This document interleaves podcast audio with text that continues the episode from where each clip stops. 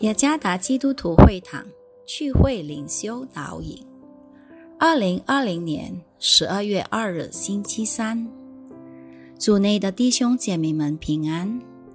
今天的灵修导引，我们将会借着圣经《使徒行传》第五章第一到十一节来思想今天的主题：七红的危险。作者彭卫国牧师。使徒行传第五章第一节，有一个人名叫亚拿尼亚，同他的妻子撒菲拉卖了田产，把价银四支留下几份。他的妻子也知道，其余的几份拿来放在使徒脚前。彼得说：“亚拿尼亚，为什么撒旦充满了你的心？”叫你欺哄圣灵，把田地的价银四支留下几份呢？田地还没有卖，不是你自己的吗？既卖了，价银不是你做主吗？你怎么心里起这意念呢？你不是欺哄人，是欺哄神了。亚拿尼亚听见这话，就扑倒，断了气。听见的人都神惧怕。有些少年人起来，把他包裹抬出去埋葬了。越过了三小时，他的妻子进来，还不知道这事。彼得对他说：“你告诉我，你们卖田地的价银就是这些吗？”他说：“就是这些。”彼得说：“你们为什么同姓？”试探主的灵呢？埋葬你丈夫之人的脚，一到门口，他们也要把你抬出去。夫人立刻扑倒在彼得脚前，断了气。那些少年人进来，见他已经死了，就抬出去，埋在她丈夫旁边。全教会和听见这事的人斗神惧怕。一个人诚实的品格，尤其是信了主的基督徒，在生活里有何等重要性呢？在这后现代化的社会里，不诚实不是已经是现今无可指摘的生活方式吗？因为很多人都是如此行。在某种特殊的案件里，只要理由正当，道德观不是也支持我们能不诚实的说话吗？虽然如此，我们需要反复思考，这种概念和行为是否是按照基督真理的观点呢？让我们把注意力关注到亚拿尼亚和撒菲拉的案件上，参看《使徒行传》第五章第一到十一节，他们的不诚实或说谎是有多严重，以致他们必须丧失生命呢？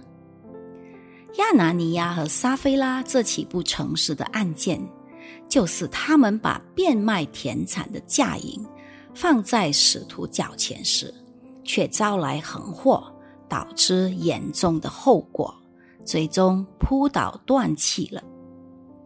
根据这起案件，不诚实的行为能被归类为不好的心态，应当谨慎。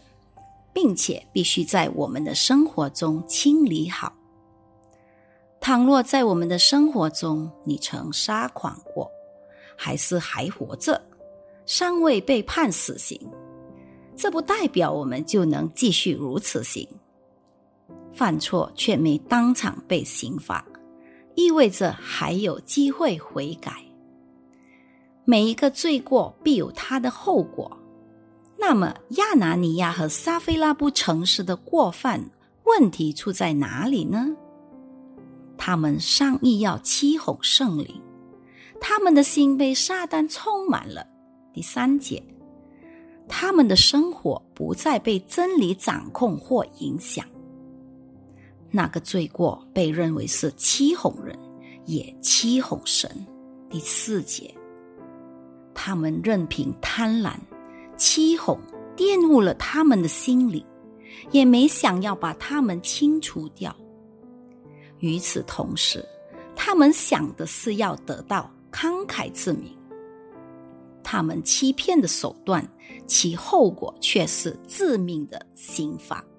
第五到第十节，你们的生活又是如何呢？你们是否也曾经轻视过一些生活中的过犯呢？切记，一个过犯，倘若没有被清理好，会持续持续犯下去，将来会带来严重的刑罚。我们不能有错误的思想，像亚拿尼亚和撒菲拉所承受的严惩未临到我们时，不代表我们的罪行就不严重。我们应当醒悟到，不管我们犯下什么样的罪行，更何况是事先计划好的，或者故意犯的，那一定会有后果的。然而，我们的生活确实不可能没犯过罪，唯有基督的宝血，因着他的恩典，才能赦免拯救我们。因此，别白白浪费上帝的恩典，他是要清除掉我们内心里的罪，包括贪婪和不诚实。让我们团结一致，来自行真理和诚实。别故意计划来犯罪和欺哄。愿上帝赐福于大家。